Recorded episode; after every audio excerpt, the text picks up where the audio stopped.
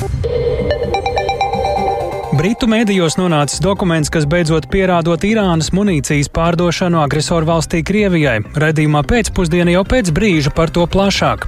Vairākums Latvijas iedzīvotāju uzskata, ka cilvēks ietekmē klimata pārmaiņas, bet krietni mazāk ir gatavi paši rīkoties šo pārmaiņu ierobežošanā. Tā liecina pirmā zaļā barometra aptauja. Redījumā ieskatīsimies arī citos aptaujas secinājumos. Bet starptautiskā hokeja sezona nu jau iegājusi finiša taisnē Ziemeļamerikā sākusies Stenlī Stanley kausa fināla sērija, un tajā arī Latvijas hokeista Teodora Bļūgera komanda. Arī par to visu plašāk to daļu ziņu raidījumā pēcpusdienā kopā ar mani Tālijai Puru.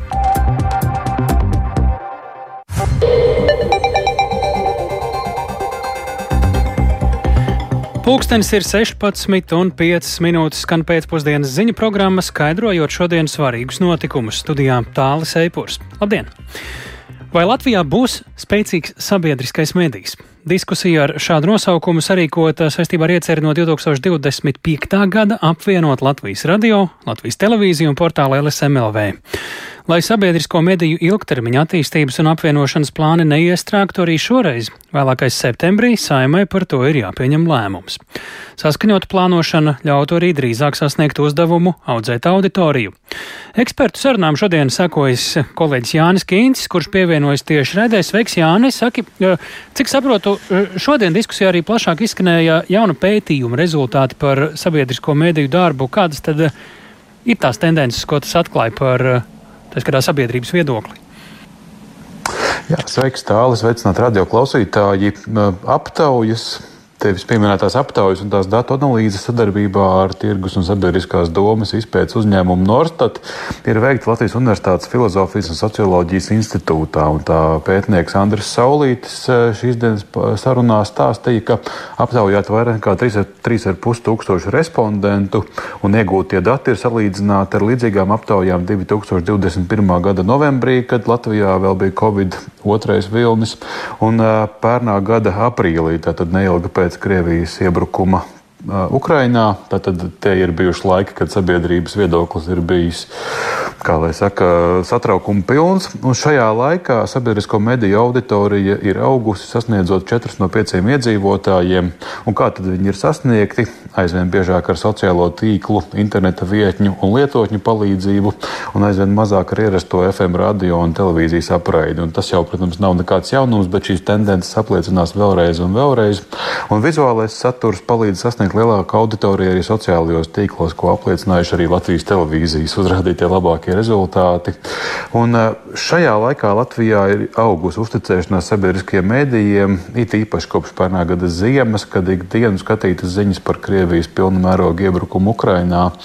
Un eh, Eurostat dati par pagājušo gadu arī apliecinājuši, ka vid Eiropā vidēji sabiedriskajiem medijiem uzticas 49% auditorijas, Latvijā tie ir 51%, savukārt Lietuvā 57% un Igaunijā 67%. Tā tad ir uz ko tiekties, bet tendence ir augšupējoša arī Latvijā. Un aptaujas dalībnieki sabiedriskajos medijos sagaida ne tikai informāciju par dažādām aktuālām lietām, tātad darbu, kas ir ziņas un analītika, bet arī vairāk izklaides raidījumu, televīzijas gadījumā vairāk seriālu un filmu, un visa veida satura kvalitatīvāka attīstība ir jautājums par ilgtermiņa plānošanu, kas pamato arī nepieciešamību panākt ilgākam laikam prognozējumu finansējumu sabiedriskajiem mēdījiem, uzsvēra pētnieks Andris Saulīts. Varam īsi paklausīties viņa teikto. Līdz ar to mums tā būtu iespēja šādā veidā attīstīt sabiedriskos mēdījus, kam visam par pamatu panākt neatkarīgu finansējumu sabiedriskiem mēdījiem. Un, manuprāt, tā darbības prioritāte ir ieguldījuma pētniecībā un attīstībā, jo salīdzinot ar Igauniem, uzņēmumi Igaunijā 1% no IKP iegulda pētniecībā un attīstībā, Latvijā tikai 0,2%. Man liekas, ka sabiedriskiem mēdījiem arī ir jālauž šis ceļš, ka mēs saturu veidojam sākot ar lieliem ieguldījumiem eksperimentālās izstrādes izstrādēs raidījumos, kuri varbūt pat nenonāk ēterā, bet mēs viņus izmēģinām kā pilotus. Tas ir tikai normāli, kā uzņēmumiem ir jādarbojas. Tad mēs sasniegsim Eiropas līmeni ne tikai finansējuma ziņā, bet arī tas, kā mēs eksportējam savu pievienoto vērtību. Tā, uh, Andris Saulīts, bet uh, Jāni, uh, kā jau daudzreiz ir izskanējis apvienošana, sabiedrisko mediju apvienošana pati par sevi, nu, var arī neko nedot, ja nemainās finansējuma modelis, finansējuma apjoms. Nu, ir daudzu, nu jau gadu gaitā ir izskanējuši vairāki varianti, kā tad varētu finansēt sabiedriskos medijus, kāda principa varētu būt, un vēl pat nesen sabiedrisko elektronisko plašsaziņas līdzekļu padomas piedāvāto modeli finanšu ministrs publiski izbrāķēja kādu redzējumu šobrīd sabiedrisko mediju padome finansējuma ziņā piedāvā un pie kā turas? Jā, nu, lai arī finanšu ministrs Arvils Ašradens uh, pirms pāris nedēļām uh, Saimas cilvēktiesību un sabiedrisko lietu komisijā tiešām uh, noraida iespējamību par to, ka sabiedriskos medijus varētu finansēt uh, ar konkrētu ikgadēju zināmu skaitli procentos no iekšzemes koprodukta, kā tas ir piemēram aizsardzības jomas finansējums Latvijā, tiek organizēts eh, sabiedrisko elektronisko plašsaziņas līdzekļu padomas darba grupa saimā Nulekā ir iesniegusi ierosinājumus, kuros tā tomēr turas pie šī noteiktā pieteiktā un rosinātā modeļa par to, ka finansējums ir jāpiesaista iekšzemes koproduktam, jo tas ļautu uh, izvairīties no situācijas, ka sabiedriskie mediji ik gadu līdz pat pēdējiem brīdim nezina, kāds būs šis finansējums, attiecīgi grūtības organizēt saturu, un uh, tas, ar ko jau arī sabiedriskie mediji ir cīnījušies jau gadiem. Un, uh, ja pie šī modeļa nonāktu, ka tas nonāktu līdz Eiropas vidējiem finansējuma līmenim 0,16% no iekšzemes koprodukta, tad tas ļautu pakāpeniski piecu gadu laikā šo finansējumu audzēt no esošajiem apmēram 40,5 līdz 93 eh, miljoniem eiro. Un, uh, Attiecīgi, vienlaikus arī sabiedrisko mediju pāraugs reizi trīs gados atskaitītos saimai par šo līdzekļu izmantojumu, kas varētu, varētu būt atskaites moments, vai to ir pa daudz, vai to aizvien pietrūkst. Uh, un par spīti finanšu ministra argumentiem Jānis Siksnis, Sepulpa padomas vadītājs, šodien atsaucās uz uh, saimnes juridiskā biroja teikto par to, ka uh, satversmes spriedums šajā gadījumā neliedz virzīt tādu sabiedrisko mediju finansēšanas modeli, kādu piedāvā padome. Īsi sakot, aizvien vēl nekādas skaidrības par šiem jautājumiem nav. Un, uh, Vai tikai atkal nedraud diskusiju ievilkšanās? Lūk, par šiem uh, problēmu jautājumiem šīs dienas diskusijā norādīja Latvijas televīzijas valdes priekšstādātājs Ivars Priede un Latvijas radio valdes priekšstādātāja Una Klapkalna. Īsi arī viņa teiktais. Šī ir trešā reize, kad tiek šturmēta ideja par uh, sabiedriskā mediju apvienošanos. Tad ir jābūt jau virzībai. Bez lēmumiem mēs varam veidot darba grupas, mēs varam atbildēt uz jautājumiem, novērst šaubas, un, un tad vēl tā un šitā un tā tālāk. Bet uh, mēs kļūsim par tādiem procesa cilvēkiem bez rezultātu. Primāri ir mūsuprāt, lai šis lēmums nav tikai apvienošanās datums, nezinu, 25. gada 1. janvārs, bet arī tātad finansēšanas modelis arī sākas no 25. gada 1. janvāra, kaut vai viņš viešas pilnā mērā ar 90 miljoniem vēl 5 gadus. Bet arī tā ir skaidrība, un mēs godīgi skaidri zinām, uz ko mēs ejam un kas būs. Mēs esam aiz šī finansējuma, gan aiz Lietuvas, gan aiz Igaunijas, nemaz nerunājot par attīstītākām valstīm, un ka mūsu gadījumā tas vienkārši mēs izjūtam ar katru gadu, kā mēs slīdam uz leju. Un tad šobrīd eh, turpmākās apspriešanas par sabiedrisko mēdīju nākotni un darbu organizēšanu, tātad vienlaikus gan apvienošanu, gan arī šo finansēšanas modeli ir gaidāms saimā, kur saimas cilvēktiesību un sabiedrisko lietu komisijai būs jāiepazīstas ar šo darba grupas izvērtējumu par piedāvātajiem finansēšanas modeļa izmaiņām. Tiesa no finanšu ministrijas puses tādas varētu būt sagaidāmas tuvāk vasaras beigām, kas būtu pēdējais brīdis pēc padomas vēlmes, lai šie jautājumi virzītos uz priekšu un neiekavētos kārtējo reizi. Tāli. Paldies! Labākajās valsts pārvaldes tradīcijās. Šodien tātad diskusija, vai Latvijā būs spēcīgs sabiedriskais medijs, un par to mums stāstīja Jānis Kīncis. Bet kamēr rietumi turpina meklēt iespējas sniegt plašu un spēcīgu militāru atbalstu Ukrainai, tikmēr nesnauž arī Krievija. Jau ilgstoši runāts par to, kā Krievijai tās sāktajā karā pret Ukrainu palīdz Irāna. Tagad kāds avots eh, Britu telekanālam Sky News nodevis dokumentu, kas apliecina, ka Irāna Krievijai pārdevusi munīciju. Tas varētu būt pirmais stingrais pierādījums, ja tiks apstiprināts tā autentiskums, lai uzzinātu vairāk. Mēs esam sazinājušies ar mūsu kolēģi Rihardu Plūmi. Sveiks, Rihard! Jā, labdien! Kāda ir bijusi Irānas loma Krievijas apbruņošanā? Nu, par Irānas kā Krievijas sabiedrotās lomu šajā karā Ukrainā runā jau sen, un visplašāk Irānas vārds izskan saistībā ar kaujas dronu šahedu piegādēm Krievijai, un šajās ziņās par Krievijas izvērstajiem uzbrukumiem Ukrainas teritorijai visai bieži esam piesaukuši tieši šo dronu pielietošanu, un Šis ierocis ir kļuvis par būtisku Krievijas īstenotā terora sastāvdaļu, to izmantojot gan triecieniem kritiskās infrastruktūras objektiem, gan civilējiem objektiem. Un to apliecina arī kaut vai Lielbritānijas militārā izlūkdienesta jaunākais ziņojums, proti maijā vien Krievija uz Ukrainu radījusi vairāk nekā 300 Irānā ražoto triecienu dronu. Līdz ar to aizvadītais bijis uh, mēnesis ar visintensīvāko šīs sistēmas ieroču izmantošanu līdz šinējā kara gaitā. Un mērķis, kādēļ tad Krievija tik masīvi ar šiem droniem uzbruk, ir tāds, ka šādi Kremlis cenšas izsmelt Ukrainas pretgaisa aizsardzības sistēmas vērtīgo raķešu rezerves. Un Krievija arī domājams centīs, centusies ir noskaidrot Ukrainas karaspēka atrašanās vietas tālais frontes līnijas. Brīti gan no, norāda, ka Krievija savus mērķus izskatās nav sasniegusi, jo Ukraina neutralizējusi vismaz 90% bezpilotu lidaparātu, ar ko tai uzbrukts. Un, pamatā izmantoti savi vecie un lētākie pretgaisa aizsardzības un radioelektroniskās cīņas līdzekļi.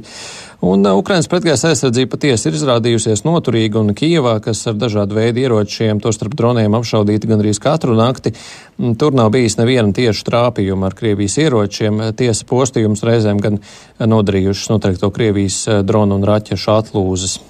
Labi, bet kas tad šis ir par dokumentu, kas tagad ir nonācis mediju rīcībā, ko tas atklāja, cik eh, ticami tie pierādījumi šobrīd ir? Jā, nu tā tad šo 16 lapušu garo dokumentu, kas ir datēts ar 2022. gada 14. septembri, to Britu telekanālam Skaņūs ir nodevis kā avots Lielbritānijas drošības dienestā. Un Tas ir līgums starp Irānas bruņoto spēku aizsardzības un loģistikas ministriju un Krievijas uzņēmumu Rosoboronexport. Dokumentā ir ietverti artilērijas un tanku lādiņi, kā arī raķetes, kuru kopējā vērtība pārsniedz 1 miljonu ASV dolāru. Avots norāda, ka līgumā minētās vienības visticamāk ir ieroču paraugi, kas tika piedāvāti vēl pirms tālākiem Irānas sūtījumiem Krievijai. Un uh, telekanāls norāda, ka līguma autentiskumu tas nevar apstiprināt, taču avots norādījis, ka Britu izlūki to uzskata par 100% autentisku. Kā ir uzsvērs avots, tad šis dokuments ir pirmais stingrais pierādījums tam, ka Irāna Krievijai pārdeva munīciju karā pret Ukrainu un tādējādi ir paplašinājusi palīdzību vēl bez droniem. Skaņos esot dokumentus parādījuši arī Ukrainas premjeram Denisam Šmihalam viņa vizītes laikā Lielbritānijā maijā arī Lielbritānijas ārlietu ministram Džeimsam Kleverlijam. Ukraiņi ir apstiprinājuši, ka ar šo informāciju ir um, iepazinušies un to pēta. Kieva un Londona ir norādījušas, ka plāno pārbaudīt dokumentu autentiskumu un spērt nepieciešams soļus, ja to autentiskums tiks apstiprināts. Telekanāls skaņos arī uzrunāja Britu armijas bijušo ķīmisko ieroču vienības vadītāju Hamišu de Bretonu Gordonu un paklausīsimies, ko viņš teica. Es domāju, ka tas jau ir ticis kārtīgi dokumentēts, ka Irāņi piegādā šahed dronus, bet jau labu laiku ir skaidrs, ka Krievijai trūkst arī munīcijas un tiem jāvēršas pie Irānas un Ziemeļkorejas. Šis pierādījums dod iespēju starptautiskajai sabiedrībai izmantot šo, lai aicinātu Irānu to pārtraukt. Jo pēdējais, ko Irāna šobrīd vēlētos, ir tikt sankcionētai tāpat kā Krievija, bet es tajā saredzu arī izmisumu un cerams, ka tas ir kārtējais Krievijas nelegālā iebrukuma beigu sākuma signāls, un Ukraiņi viņus izdzīs ārā. Jā, nu tikai jāpiebilst, ka bijušais Britu armijas pulkvedis norādījusi to, ka Irāna šķietami apspēlē Krieviju, eh, proti šī militārā apriekojuma daudzums, kas līgumā norādīts, ir diezgan neliels, proti šo munīciju varētu izšaut uh, vienā rītā, un šī munīcija ir arī novecojusi, kā viņš atzina, iepazīstoties ar šo te šiem te dokumentiem, nu, tomēr par to tiek prasīta, nu, viņa prāt, nesamērīgi liela naudas summa no Krievijas. Tāli. Paldies Rihardam Plūmēm, tik tālu par Irānas ieroču pārdošanu Krievijai. Bet Ukrainas karam ir vēl daudz citu leņķu, tajā skaitā tepat Latvijā. Viesistaba Tvorči Zustriči, jeb pārtulkojot no ukraiņu valodas radošas tikšanās, Tā sauc vietu Rīgā, kurā Ukrāņiem būs iespēja satikties vienam ar otru un ar vietējiem iedzīvotājiem un apgūt dažādas jaunas prasmes, izpaust savus talantus, tostarp arī pamācot citus. kas īsti tā ir par vietu un ko tajā varēs darīt. Plašāk pastāstīs kolēģi Agnija Lazdiņa. Viņa jau ir paviesojusies viesistabā. Sveika, Agnija! Kur tad tas viss atrodas un kā tā ir tapusi? Labdien! Domāju, ka daudzi jau ir dzirdējuši par biedrību Tavi draugi, kas jau kopš pirmās dienas, kad Krievija iebruka Ukrainā, sniedz palīdzību gan Ukrainai, gan arī Ukraiņu iedzīvotājiem, kas ir nākuši pēc patvēruma Latvijā. Un līdz šim brīdim biedrības pulcēšanās vai tāda kā bāzes vieta atrodas Rīgā, Ventspils ielā 50, kur tiek vākti un pakoti visi šie ziedojumi. Taču pirms kāda laika Rīgas domes atbalstu biedrībai Tavi draugi piešķīra arī sesto stāvu Rīgas atbalsta centrā Ukrainā. Ukrainas iedzīvotājiem, kas atrodas Rīgas centrā, Vecrīgā, pavisam netālu no mūsu atrašanās vietas, Doma laukumā, kur tad ir izveidota šī viesistaba radošās tikšanās. Un piebildīšu vien, ka Ventspils iela joprojām paliek un darbosies, šī ir tikai tāda kā nākamā vieta. Un runājot par pašu viesistabu, kā uzsver biedrība Tavi draugi, ideja par šāda veida telpām radās jau kara pirmajā dienā. Un tā ir vieta, kur paši Ukraiņi izlems, ko darīt, savukārt latvieši varēs nākt nākt un iepazīties. Tās ir vairākas lielākas un mazākas telpas, kurās rīkos dažādas aktivitā, aktivitātes, lai tad Ukraiņi varētu dalīties ar to, ko viņi paši māk. Tādējādi, lai latviešu cilvēki saprastu, ka Ukraiņi nav tikai bēgļi, bet arī vienkārši cilvēki, kas paši spēj ko darīt un iemācīt citiem. Un iespējas būs ļoti dažādas, sākot ar valodu kursiem, dziesmu un dēju mācīšanos, līdz pat uh, šūšanai, jogai un daudz ko citu. Un, uh, kā norāda biedrības tavi draugi vadītājs Ulvis Noviks viesistaba ir kā nākamais līmenis, kur var nedomāt par kastēm, proti ziedojumu vākšanu, bet gan par savu emocionālo veselību.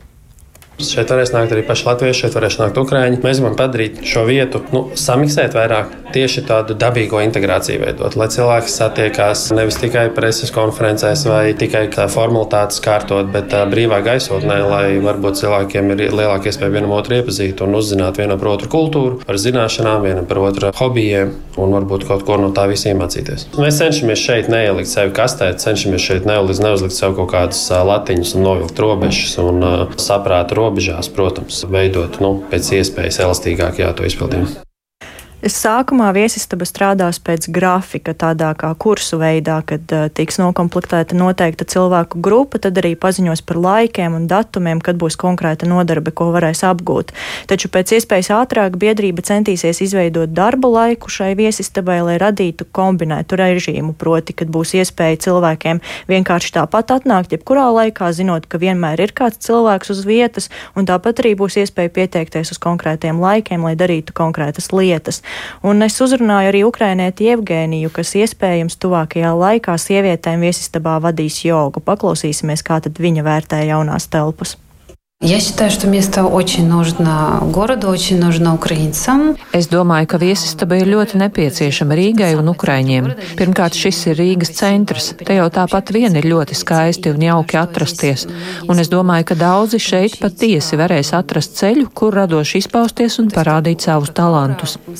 Man vislabāk patīk pati ideja, ka Ukraiņi šeit varēs apvienoties, satikties un labi, interesanti pavadīt laiku. С пользой, интересно и приятно проводить время. Šobrīd viesistabā viena no brīvprātīgajām jau pasniedz angļu valodas kursus, taču pagaidām biedrība tavi draugi vāc kopā dažādas idejas un mēģina to visu saplānot un saprast, kā, to, kā visas šīs idejas pareizāk un labāk realizēt. Paldies Agnijai Lazdiņai, tik tālu par uh, viesistabu Tvorči iz Ustriči, jeb radošas tikšanās uh, tepat Rīgā. Bet krietni mazāk sirsnības ir stāstā par bēgļiem Lielbritānijā. Tur plašumā vēršas kārtējais skandāls ap patvērumu lūdzējiem un viņu uzturēšanas tēriņiem pēc tam, kad pagājušajā nedēļā migranta grupā teicās apmesties kādā no viesnīcām Londonas pilsētas centrā. Pēc migrantu domām viņiem tika piedāvāti necilvēcīgi un dzīvei bīstami izmitināšanas apstākļi, stāsta Rustams Šukūraus. Pagājušajā nedēļā patvēruma lūdzēja grupa tika nogādāta viesnīcā Comfortin, kas atrodas Londonas Pimliko apkaimē. Migrantiem ierodoties viesnīcā tika konstatēts, ka katrā viņu izmitināšanai paredzētajā istabā uzturēsies četri cilvēki. Tādi izmitināšanas apstākļi patvēruma lūdzējus nav apmierinājuši. Viņi atteicās apmesties viesnīcā, tā vietā sarīkojot nelielu nometni uz ielas. Vestminsteras pašpārvaldes vadītājs Ādams Huks, rēģējot uz notikušo, uzrakstījis vēstuli Lielbritānijas iekšlietu ministrei Suelai Bravermanai, norādot, ka vietējās amatpersonas nebija brīdinātas par migrantu izmitināšanu un ka no cilvēkiem, kuri iespējams iespējams ir pārdzīvojuši smagus un traumatiskus notikumus, nevar pieprasīt, lai viņi uzturētos neatbilstoša izmēra istabā ar vairākiem svešiniekiem. Savukārt Lielbritānijas imigrācijas ministrs Roberts Dženriks, komentējot Huga vēstulē rakstīto, sarunā ar BBC norādījis, ka valdība vēlas atteikties no viesnīcu pakalpojumu izmantošanas patvēruma lūdzēju pagaidu izmitināšanai, jo tas liedz vietējiem turismu uzņēmumiem gūt ienākumus. Viesnīcas, kurās uzturas migranti, ir spiestas atteikties no saviesīgu pasākumu rīkošanas, tātad arī atteikties no peļņas. Dženriks uzsvēris, ka līdzekļi patvērumu lūdzēju uzturēšanai būtu jātērē saprātīgi, līdz ar to, ja vientuļi pieauguši vīrieši var dzīvot kopā ar vairākiem cilvēkiem vienā istabā, kas, protams, ir atkarīgs no istabas izmēra, tad viņi tiek lūgti to darīt, uzsvēris Dženriks. Lielbritānijas premjerministrs Rišijs Sunaks šodien viesojoties Anglijas ostas pilsētā Doverā norādījis, ka vairāku cilvēku izmitināšana vienā viesnīcas istabā ir godīga un normāla prakse. Ja jūs šeit ierodaties nelegāli, pieprasot patvērumu, bēgot no nāves, spīdzināšanas vai vajāšanas, jums vajadzētu būt gataviem uzturēties nodokļu maksātāju nofinansētajā kopmītņu tipa viesnīcas istabā Londonas centrā. Lielbritānijā patvērumu lūdzēju izmitināšanai tērē teju 7 miljonus sterliņu mārciņu dienā. Lielbritānijas premjers par vienu no savām galvenajām prioritātēm izvirzīs nelegālo migrantu skaita samazināšanu apvienotajā karalistē. Daļa no viņa plāna ir jaunais nelegālās migrācijas apkarošanas likumprojekts, kas pašlaik tiek izskatīts parlamentā. Likumprojekts dotu valdībai pilnvaras izraidīt ikvienu, kas nelegāli ieceļo apvienotajā karalistē un liekt viņiem tiesības lūgt patvērumu. Rustams Šukurovs, Latvijas Rādio. Šogad Latvijā reģistrēto meža ugunsgrēku skaits un izdegušās platības ir daudz lielākas nekā pērn, un sākas NHL Stanley kausa izcīņas fināla sērija, un pēc ilgāka pārtraukuma tajā arī viens Latvijas hokeists. Arī par to tuvākajās minūtēs redzījumā pēcpusdienā.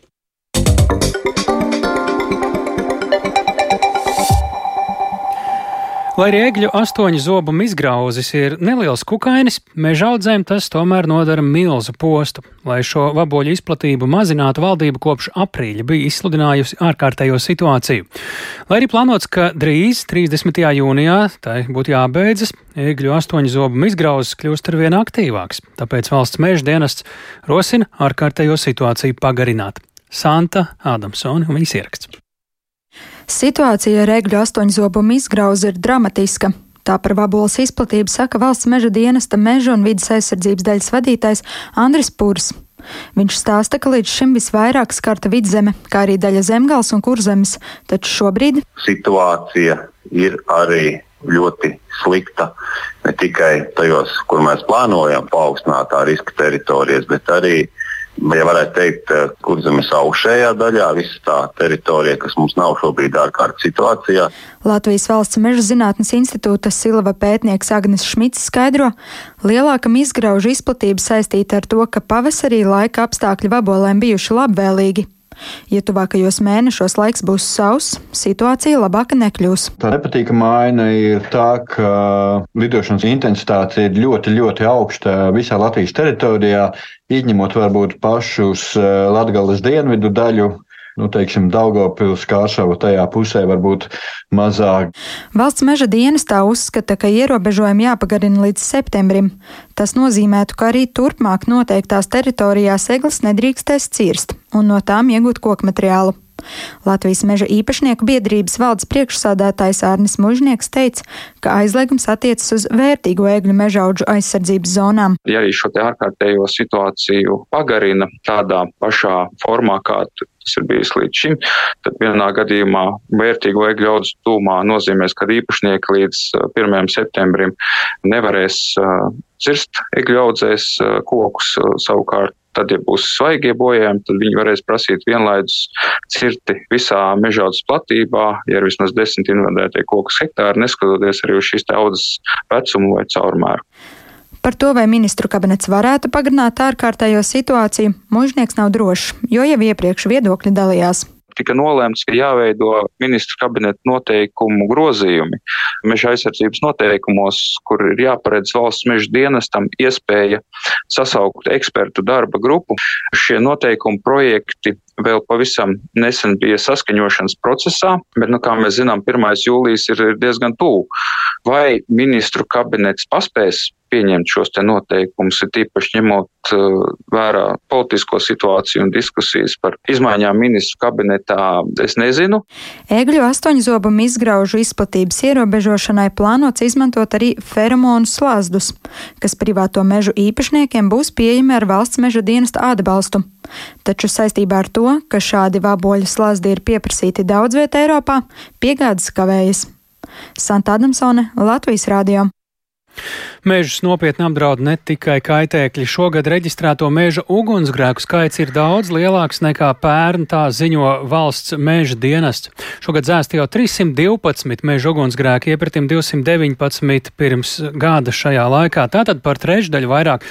Vēl būtiskāks pieaugums ir izdegušo platību ziņā. Šogad tie ir jau 488 hektāri pērn, līdz šim bija izdeguši vairāk nekā divreiz mazāk - 219 hektāri. Turklāt šogad 344 hektāri. Tas sanāk, krietni liela daļa no visa izdegušā meža ir īpaši aizsargājumās dabas teritorijās. Pie mūsu klausulas valsts meža dienesta meža un vides aizsardzības daļas vadītāja vietnieks meža uguns, uguns apsardzības jautājumos Zigmunds Jaunķeķis. Labdien!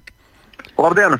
Nu, nezinu, vai jums ir kādi dati, vai varbūt vienkārši stāv atmiņā, kad pēdējo reizi atceraties tik ilgstošu sausumu un šādas izdegušas platības. Nu, situācija ir nedaudz līdzīga kā 2019. Mm, gada aprīļa mēnesī, kad kopumā e, visa gada griezumā bija vairāk kā 1100 ugunsgrēki. Un gandrīz puse no tiem bija aprīļa mēnesī. E, lai arī nebija liels karstums, e, tas tā, tā, situācija tas rada tādu, ka uh, ir šie ilgstošie beznokrišņu periodi, nav lietus, kaut arī temperatūra nav augsta. Uh, Tad meža mežs ir savs un veidojās šie meža ugunsgrēku izcelšanās riski. Ir. Nu, nu jā, un arī samērā vējains, starp citu, te pēdējā laikā diezgan bieži ir bijis. Šobrīd mēs redzam, ka izdeguši ir teju, 3, teju 500 hektāri, kur un kas ir dedzis visvairāk, un pie viena arī ir redzama kāda tendence, kāpēc.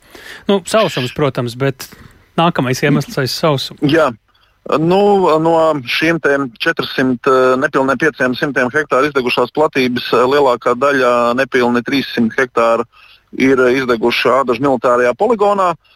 Uh, nu, teikšu tā, nu, mums iedzīvotājiem jābūt ir, uh, iecietīgiem un lojāliem, jo nu, visu laiku zinot, kāda ir situācija kaimiņu valstī, notiek intensīvas mācības. Un, uh, dēļ tā arī izceļās šie ugunsgrēki. Paga, bet, ja eh, nebūtu šī ādažu poligona, tad tā statistika būtu tādā citu gadu līmenī vai? Eh, apmēram, jā. À, jā. Tā ir svarīga ziņa. Un, eh, un, un, un, tā tad dzēšanas darbos iesaistās gan paši, gan paša Nacionālo bruņoto spēku dzēsēji ir speciāli pieņemti, ja, gan iesaistās valsts meža dienests, gan uh, valsts ugunsdzēsības un glābšanas dienests. Un, nu, kā teikt, galā, galā tiekam, bet nu, ir jābūt saprotošam šajā jautājumā. Tas arī skaidro to aizsargājamo teritoriju īpatsvaru. Tur poligonā arī tādas ir, vai tas nav par to stāsts? Jā, tas arī, tas ir arī kontekstā ar to, jau ir šīs te Natura 2000 teritorijas, kas uh, izstāja, kas, kas arī sastāv lielu daļu no šiem meža ugunsgrēkos izdegušās platības. Nu, lūk, karavīriem mēs nevaram ieteikt nespridzināt un nešaut, eh, lai aizsargātu mežu eh, tādā tiešā veidā, bet mēs varam iedzīvotājiem atgādināt šobrīd, jo sausums tiešām ir ļoti ieildzis. Tas lietus, kas te pirms brītiņa bija, kā Toms Britis teica, palika vairāk koku lapās un skujās, mazāk līdz zemē tika. Šobrīd, kas ir tās lietas, mēs zinām, izsmēķi, ugunskuri, eh, iespējams arī ar motocikliem, kuri dažreiz kādu dzirksteli izsprikšķina, nav laba doma braukt Šobrīd tas ir nu, cik kārta bīstamāk, ņemot vērā to ilgstošo sausumu. Nu, ar katru uh, dienu, kad nav lietus, uh, mežs paliek ar vien sausāks un ugunsbīstamības izcelšanās riski pieauga. Um, tagad prognozes rāda, ka tuvākās divas nedēļas lietas nebūs. Tā tad uh, ugunsbīstamība, es teikšu, teiktu, ka būtu ļoti augsta.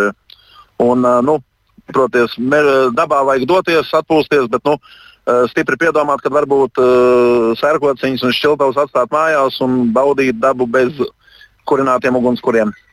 Ir kaut kas vēl, kas šogad atšķir no citiem, vai arī ir pietiekami klasiska situācija un vienkārši uzmanība? Klasiska situācija.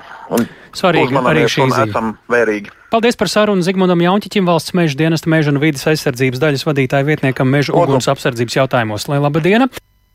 Mēs turpinām redzējumu pēcpusdienā arī ar savā ziņā vidas tematiku, pat ļoti tieši, jo Var jautāt, vai ilgstošs sausums nav saistāms ar klimata pārmaiņām, to ar laika distanci gan jau, ka zinātnieki var izvērtēt, bet jau noskaidrots, ka vairākums Latvijas iedzīvotāju uzskata, ka cilvēks ietekmē klimata pārmaiņas, bet krietni mazāk ir tādu, kur ir gatavi rīkoties klimata pārmaiņu ierobežošanā. Tā šodien Pasaules vidas dienā vēsta Latvijas dabas fonds atsaucoties uz zaļā barometra aptauju, kurām sabiedrības daļām tad ir lielāka izpratne par klimata tematiku un kā tā ir mainījusies šī attieksme un ko iedzīvotāji domā par klimata politiku Latvijā. Par uzzinātu esam sazinājušies ar Latvijas dabas fonda vidas politikas eksperti Baibu Baltvilku Vitajevsku un viņa arī zaļā barometra koordinātoru. Labdien! Labdien! Cik daudz tad ir to, kuri secina, ka jā, mēs kopumā ietekmējam klimata pārmaiņas un kuri iedzīvotāji ir piekrītošāki šai domai un kuri varbūt mazāk piekrītoši? Nu jā, mūsu aptaujā rāda, ka vairākums, 85% Latvijas iedzīvotāji uzskata, ka cilvēka darbība kopumā ir ietekmējusi šobrīd notiekošās klimata pārmaiņas pasaulē. Bet šeit mums jālūkojas detālāk, kā šīs atbildes sadalās.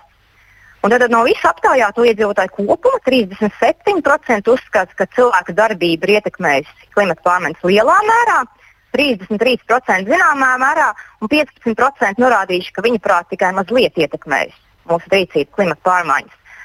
Uh, nu, lūk, tādu klimata skeptiķu mums ir tikai 6%, tādi, kur uzskata, ka nav nekādas ietekmes, nav nekādas cilvēku ietekmes klimata pārmaiņām.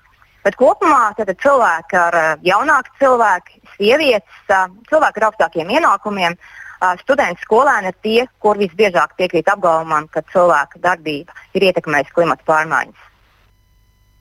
Jā, par skeptiķiem. Vai tur var arī saprast nedaudz vairāk, es nezinu, cik tālu jūs esat iepētījušies apakšjautājumos jau katram šim, Jā. kāda ir tā demogrāfija, kuri ir kuri? Tie skeptiskākie iedzīvotāji parasti tādas skeptiskākas atbildes parasti sniedz uh, vīrieši un cilvēku vecumā no 45 līdz 55 uh, gadiem. Um, jā, tie ir tādi. Uh, cilvēki, kuri sarunu, kur sarunu lodā ģimenē ir citi ne latvieši. Šobrīd arī es uh, skatos, ka jums ir interesants jautājums par iedzīvotāju uztveri attiecībā uz to, cik tad kurš politiskais spēks ir. Zaļš, zaļi. -huh. domājošs, zaļu politiku īstenojošs vai vismaz sološs uh, Latvijā, un uh, jūs to arī esat salīdzinājuši ar uh, to, ko jūs paši esat izpētījuši par pašu politisko spēku zaļumu. Ko jūs te redzat, kādu kopainu? Nu, kopumā noteikti jāuzsver, ka jautājumā par zaļāko partiju lielākā daļa iedzīvotāju uzskata, ka tādas Latvijā nav. Un tas būtu tas galvenais secinājums, uzdodot šo jautājumu. Tādu šādu domā apmēram 40% aptaujāto iedzīvotāju. Un, un trešā daļa, kas ir ļoti daudz, arī norāda, ka viņiem nav viedokļa šajā jautājumā. Un tikai no ceturtās daļas, tad 29%, 29% no aptaujātiem iedzīvotājiem ir atzīmējuši kādu partiju par zaļāko. Bet atbildes ļoti dalās. Nu, visbiežāk, protams, ir minēta vēl joprojām Zaļo zemnieku savienība, taču, ja mēs paskatāmies tieši uz konkrētiem procentiem, tad no tā visa kopējā, visā kopainā tie ir ļoti, eh, ļoti maz procenti. Eh, mēs nevarētu veikt secinājumu, ka šī partija viennozīmīgi tiek uzskatīta par zaļāko. Noteikti ne. Šobrīd iedzīvotājiem vai nu nav viedokļa, vai viņi uzskata, ka neviena partija nav zaļākā. -hmm. Nu jā, nu, varat katrs tad atrast internetā arī šo jūsu barometru, kur arī partijas ir izvērtētas ar viņu programmām, kura tad ir īsti zaļāka un kura nav.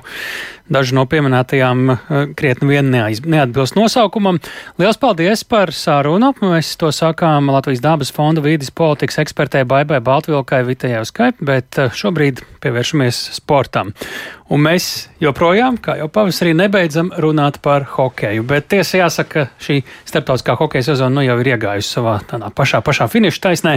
Šobrīd cīņas nu vairs tikai pašā spēcīgākajā, pašā prestižākajā nacionālajā hokeja līgā, un tur ir sākusies Stanley Kausa finālsērija. Un pirmo reizi Desmit gadu laikā tajā piedalās kāda Latvijas hokeja pārstāvēta komanda, un šoreiz runa ir par Teodoru Bļugeru un Lasvegas Golden Knights. Un cīņu par prestižo hokeja balvu. Tūdaļ plašāk mums ir gatavs eh, raksturot eh, sporta ziņu kolēģis Māris Bergs. Sveiks, Māri! Sveiks, tālis! Īpašs notikums, tas ir pats par sevi, tas ir skaidrs, bet kāda pavisam īsi ir tā Latvijas hokeja vēsture ar mūsējiem Stanley Kausa finālā? Mēs zinām, ka mums tāda ir. Latvijas hokeistiem eh, vēstures Stanley Kausa finālsērijā, finālsērijās nav nekāda spožā. Viena uzvarēta sērija un pieci zaudējumi. Joprojām vienīgais Stanley Kausa čempions no Latvijas ir Sānis Ozoliņš.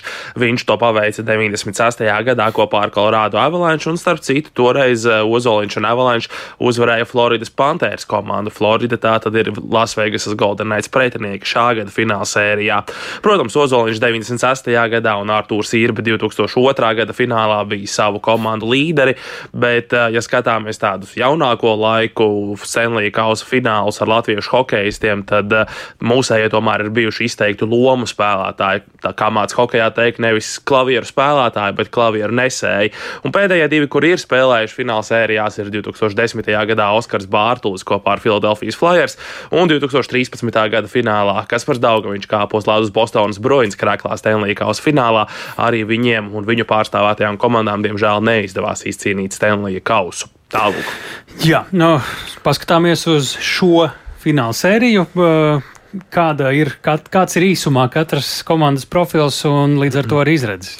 No abu komandu izredzes, protams, tiek vērtētas ļoti līdzīgi, lai gan nedaudz tuvāk kārotajam mērķim, nu jau ir Golden Knights komanda. Viņiem finālā galu galā viena uzvara jau ir un atliek izcīnīt vēl trīs. Katrā ziņā abu, abas ir um, spēkos ļoti līdzvērtīgas komandas, abām ir acīm redzami līderi un abu komandu treneri prognozē ļoti saspringtu finālsērijas turpinājumu. Lai arī pirmā spēle beidzās 5-2 Golden Knights labā, tomēr spēle patiesībā bija diezgan, diezgan saspringta. Bet vispirms eh, klausāmies Vegasas Golden Knights galveno treneri Brūsu Kasidiju. Two, Pirms uzvari otro spēli jāuzvar pirmā, un prieks, ka to izdarījām. Puiši saprot, ka nebija mūsu labākā spēle, bet tas sēriju pirmajā spēlē tā ir bieži. Komandas viena otru iepazīst un sērijas gaitā iekarst. Galvenais, ka izdarījām pietiekami, lai uzvarētu. Šo sezonu to esam darījuši bieži. Atrodam veidus, kā uzvarēt arī tad, kad neesam labākajā līmenī. Noturamies spēlē un tiekam pāri lietām, ko neizpildām tik labi. Kad trešajā periodā bija jāizcīna uzvara, Zeks Vaitklauds guva vārtus un spējām tikt līdz galam, izdarot pareizās lietas. Nekādas panikas arī Pantēras ģērbtuvē viņu trenerim Polam Morīsam uzsverot, ka turpinājumā Pantēru komanda būs labāka. Klausāmies Floridas Pantēras galveno treneri Polu Morīsu. Man patika, kā sākām spēli, jo sērijas sākumā ir ļoti daudz nezināmo, un mums bija ļoti ilga pauze pēc iepriekšējās kārtas. Paskatīsimies video, kā rīkojāmies ar ripu un citus aspektus ir daudz lietu, ko var pieslīpēt. Arī turpmāk būs saspringtas spēles. Abi vārdsargi vairāk kārt glāba savas komandas. Vairākuma un mazākuma brigādes kļūst labākas, komandām izprotot vienai otru. Sezonas laikā viens otru tik bieži neredzam, tāpēc mācāmies procesa gaitā. Tālāk Floridas Panthers galvenais treneris Pols Morīs. Nu, ko, pats svarīgākais jautājums Latvijas līdzstājiem, kāda tad ir bijusi, varētu būt Teodora Bļugera loma? Šobrīd viņš finālsērijā nav spēlējis, vai viņš spēlēs, tas ir ļoti labs jautājums. Tas viss būs atkarīgs nu, pirmkārt jau no traumu situācijas, vai varēs spēlēt visi tie, ko treneris vēlas redzēt, un otrs, kā iegrozīsies pati sērija. Varbūt treneri vēlēsies redzēt kādas izmaiņas komandas spēlē, kaut kur kaut ko pastiprināt, spēli mazākumā, spēle aizsardzībā, kas ir Teodora Bļūgera stiprās puses. Nu, visus uh, uzvārdus nemaz uz kausa neiegravē. Arī tad, ja tu esi kā uzvarētāja komandā, tur ir noteikts skaits jānospēlē čempionātā, finālsērijās vai kausā spēles. Jā, nu tātad, lai vārds automātiski tiktu uz Stanley kausa iegravēts, ir jānospēlē vismaz 41 spēle regulārajā sezonā uzvarētāju komandā. Bļūgeram tas nekādi nemaz nav iespējams, jo viņš tika iemainīts. Jā. jā, un uh, otrs uh, nosacījums ir vismaz viena spēle finālā. Protams, komanda var pieprasīt uh, izņēmumu kārtā iekļaut, taču tie gadījumi tiek izskatīti atsevišķi. Šobrīd tur mīkšķis. Paldies Mārim Bargam, tik tālu par uh, Stanley Kausa izcīņu un Teodoru Bļūgeru. Tajā šis bija ziņu raidījums pēcpusdiena. To veidoja Tāls Eipurs, Ilza Agīnta, arī Uldis Grīmbergs un Kristaps Runģis. Atcerieties, ka šo raidījumu varat klausīties arī Latvijas radio mobilajā lietotnē jums ērtā laikā, tad, kad tas jau ir ētrā izskanējis. Līdz rītam, vislabāk!